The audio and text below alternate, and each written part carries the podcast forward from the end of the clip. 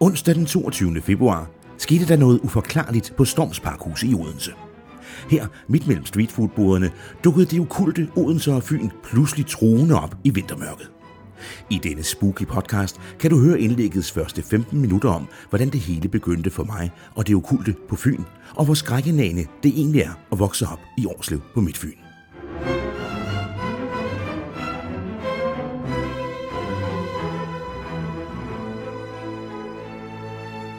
Velkommen på Storms Pakhus, som jo meget passende har valgt at lægge det i det mest afsides, mørke, okulte hjørne, man overhovedet har kunne finde.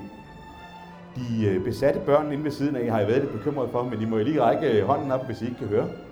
Så må vi se, hvad vi kan gøre ved dem.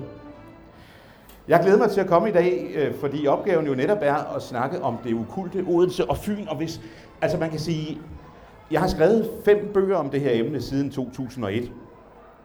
Øh, og det er faktisk Odenses skyld, men det er faktisk også Fyns skyld, fordi øh, hele den her mærkelige interesse om spøgelser, monstre og UFO'er og hele det her, den her interesse for alle de her okulte fænomener, de stammer faktisk fra, at jeg har siddet og røvkede mig i Årslev i min første år, øh, og øh, der har jeg udviklet en hel masse fobier. Jeg er for eksempel mørkeret. Jeg er bange for at blive lukket ind i små rum. Jeg har højdeskræk. Jeg er bange for æderkopper. Jeg har hele paletten. Så den der med at være bange for hvad som helst, det giver en noget livlig fantasi, kan man sige, når man sidder derude. Og det gør også, at man interesserer sig for, hvad der i virkeligheden er, der måske kan stå bag ved et træ og bide ind i røven, når man går igennem skoven om natten. Så det er jo ligesom det, der, der, der, der startede det her for mig. I øh, Årslev, der boede vi, mine forældre havde købt sådan et, et lille nedlagt landbrug, som var i stærkt forfald, som man kunne bruge en 10-15 år på at sætte det i stand. Ude midt i ingenting med marker. Der var en skov her. Det var øh, Møllehøjskoven. Og der var en skov herover, det var Hestehaveskoven. Og midt i det her, øh, med åbne marker til begge sider, der lå det her lille hvide hus, eller det her store hvide hus, for det var det faktisk en gammel nedlagt herregård, tror jeg. Og det lyder finere, end det var. Og der sad jeg så på mit værelse nogle gange, og jeg var alene hjemme, og jeg var skrækslag.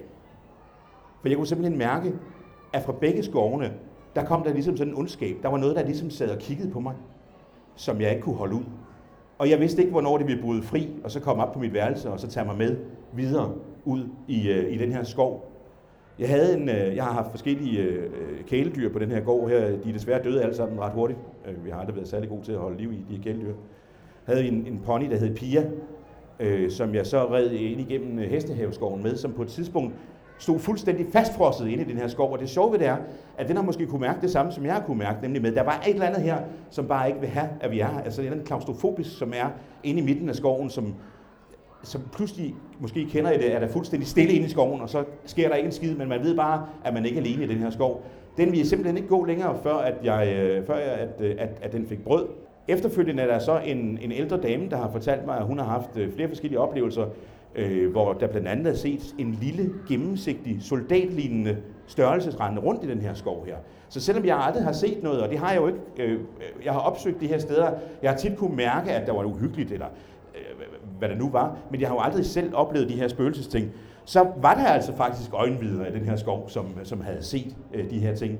I midten af skoven er der en spejderhytte. Måske er der nogen af jer, der har været på, øh, en eller anden røvsyg skoletur inde i midten af, Hestehavsgården ude i, i Årslev.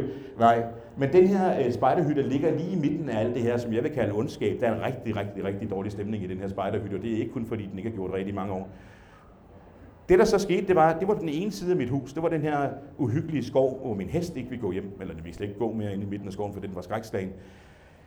Den anden skov, nu snakker vi om, hvorfor jeg begyndte at interessere mig for det her i det hele taget, den lå jo så øh, på den anden side, og det var lå midt imellem mit hus her ude på landet, og så min morfar og mormor, som jeg tit var nede ved, der lå nede i Årslev by. Det her det passer også meget godt, fordi Årslev ligger lige i midten af Fyn, så vi, øh, vi rammer jo det her i, i midten fra starten af det her emne.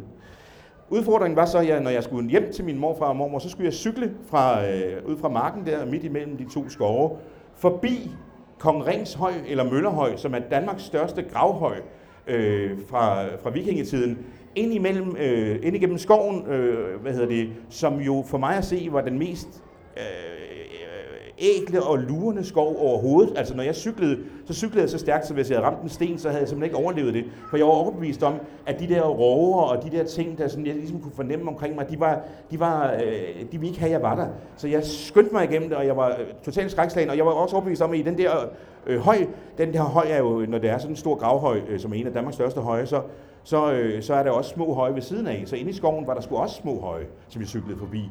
Og der kendte jeg jo godt de der troldehistorier med, at øh, trolde, de bor i høje, og når de bor i høje, så kan de her løje, de kan løfte sig på glående pæle, og så kommer trolden ud, og så tager de børn, som der så ikke er nogen, der ser mere. Så det var et rimelig dårligt sted at være som barn, hvis man skulle ned til sin mormor og morfar, vil jeg sige. Det var sådan lidt lille rødhætteagtig historie. Der skete jo heldigvis aldrig noget, men det der er jo så er sjovt i det her, og som jeg jo så har oplevet flere gange i forbindelse med det her, som jo så er blevet min hobby, simpelthen fordi jeg er øh, redselslagen for det, det er, at bønderne ude på Årslev Mark, som er her, hvor jeg boede, og hvor højen var, og hvor de der, imellem de der to øh, skove, de berettede i 1700-årene og 1800-årene om glående øh, kugler og brændende hjul, der kørte på deres marker om natten. Altså, der er også et eller andet der, som man ligesom har fortalt i århundrede. Så igen det der med altså ens intuition og ens øh, øh, øh, indføling, og man tænker, hvad fanden foregår der her? Det skal man nogle gange også lytte til, hvis man interesserer sig for det her okulte. Øh, fordi det kan sgu lige så godt være, der går ikke røg af en brand, uden, øh, uden det, der ligesom er et eller andet i det, og man vil kunne researche det ned, så at man får ikke bare lære noget om Danmarks historien, men også får en forklaring på, hvad det måske så kan være, man mærker. Og det er derfor, jeg elsker de her historier her, for de har begge dele. Da jeg i sin tid øh, gik i gang med at skrive den første bog, øh, om det okulte Danmark, øh, jeg har øh, 4-5 hyldemeter med øh, bøger om, hvor det spørger i Danmark øh, øh, hjemme i mit bibliotek, og det er blandt andet en, øh, et 12 af Edvald Tang Christensen, som var en dansk folkemindesamler, der gik rundt i 1880'erne og 90'erne, betalt af den danske stat, og, og, og, og fandt øh, spøgelseshistorier og folkeminder, som han skrev ned. Han gik rundt til bønderne og boede ude ved dem, og han gik rundt til byerne og hørte, hvad folk de fortalte af, af anekdoter.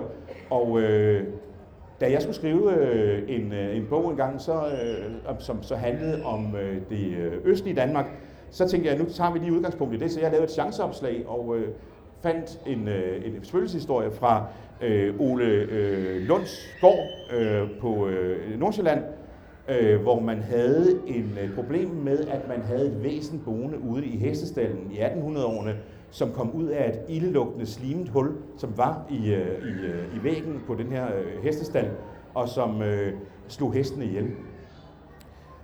Og den her Ola Lunds den eksisterede sgu stadigvæk, fandt jeg ud af. Og den er stadigvæk et hotel.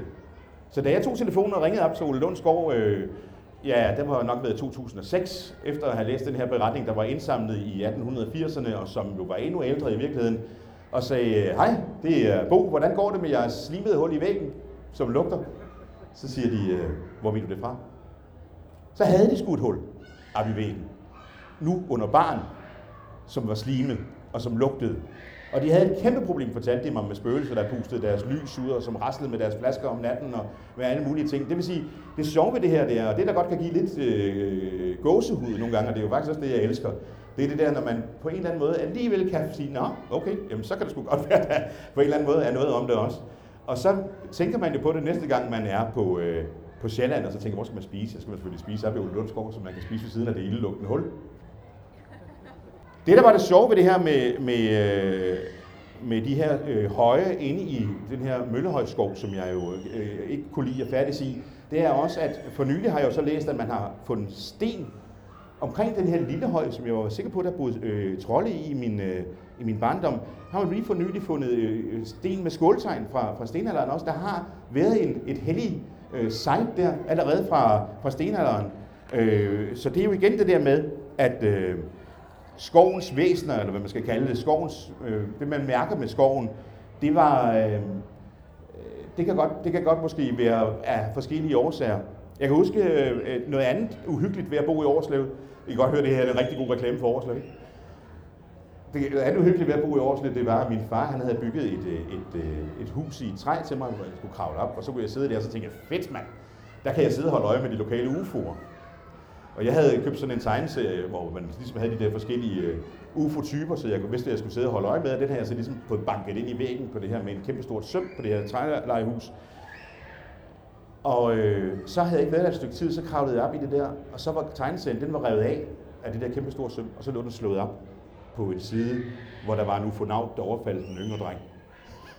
Så det var sidste gang, jeg var i det der skide træhus. Fordi vi havde nemlig også et loft, som vi var overbevist om var hjemsøgt, og som jeg ikke turde gå op på. Fordi man havde fortalt mig, at det der loft, det var simpelthen, der var noget med det der, der var jo halm over det hele, man kunne ikke se, hvor man gik, og, og gulvet, det var nok, der var nok huller i det. Men jeg var overbevist om, at grunden til, at jeg ikke måtte gå derop, det var simpelthen fordi, at, øh, at der var et spøgelse eller et monster derop. Men det der er det sjove ved det her, det er, at, at, at, at, at man kan sige, at man behøver ikke at tro på de her historier.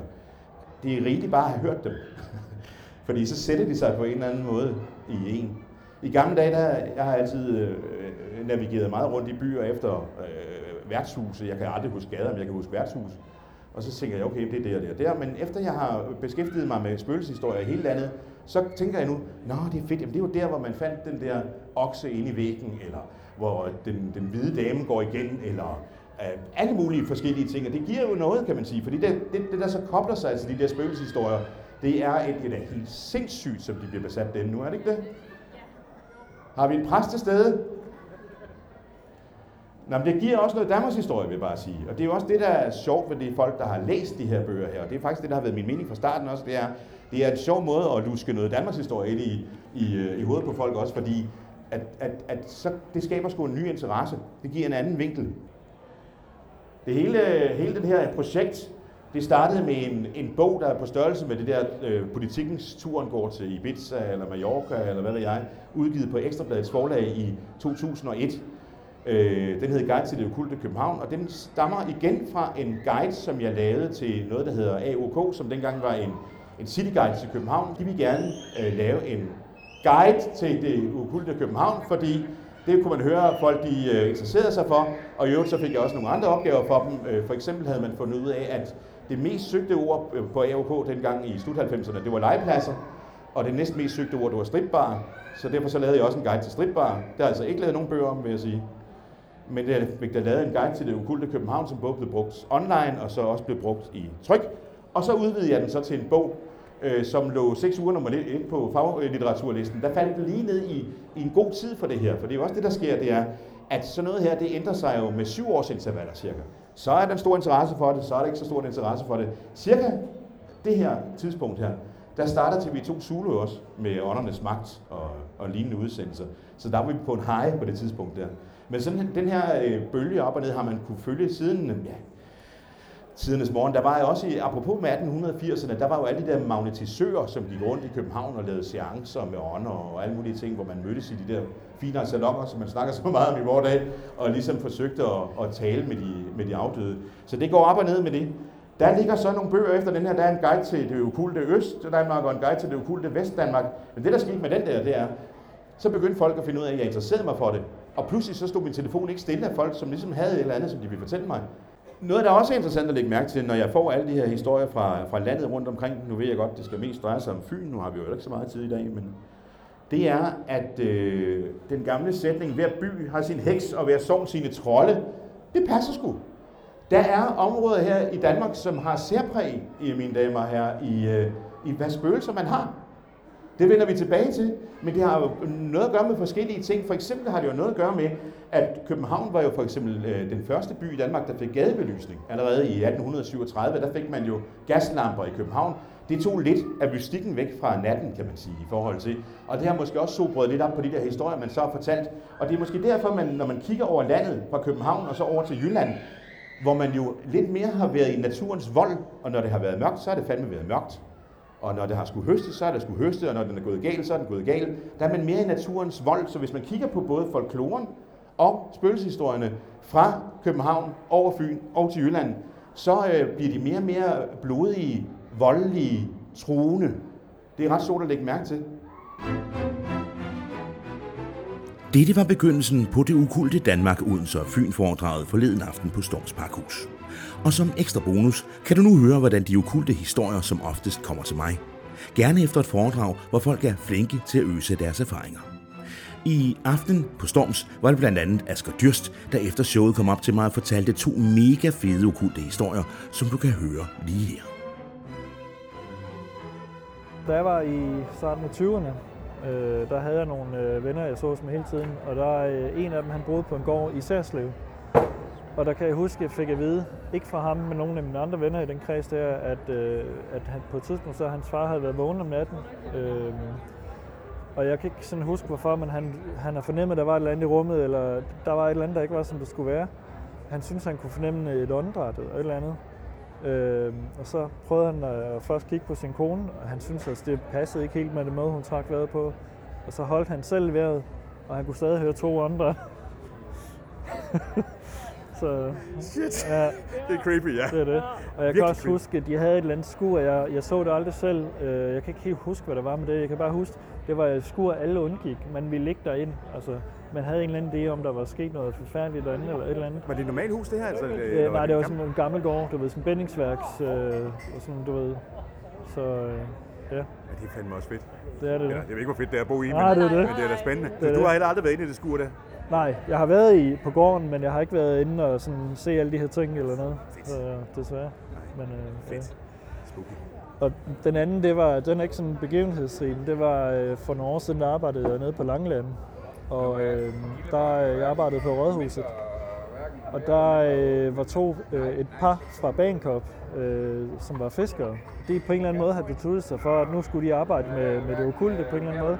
Og jeg kan ikke huske, om de havde taget nogle kurser eller hvad det var, men, men i hvert fald så, så havde de sat sig op på det her med, at de skulle prøve at se, om vi kunne sende spøgelser og sådan nogle ting. Og så var der en dag, at der kom de op til rådhuset der og, og spurgte sekretariatet, om de sådan måtte gå rundt i, i bygningen og lige sådan se, om vi kunne fornemme noget. Og øh, så kom de så over til, til mit kontor på et tidspunkt, og spurgte, så spurgte de sådan, om, om de lige må, må prøve at kigge. Og så fik jeg at vide, at øh, for, for mine fødder, der lå altså en. Og jeg var bare sådan, okay. så ja, der Hvad var gjorde de ved det? Gjorde de noget ved det? Eller? Nej, det var bare, liggende. jeg fik bare at vide, om der ligger en der. Og så snakkede vi lidt om, at det vist nok havde været hospital i gamle dage og sådan nogle ting. Men så, så var der ikke rigtig mere ved det end det. Men jeg kan bare huske, det var sådan lidt, Nå okay, det ved jeg ikke, hvad jeg skal gøre med. Det vil du faktisk hellere være på uden. Jamen, det, nej, jeg, jeg var egentlig sådan lidt neutral over for det. Jeg var bare sådan, om jeg kan ikke se noget. Vildt, mand.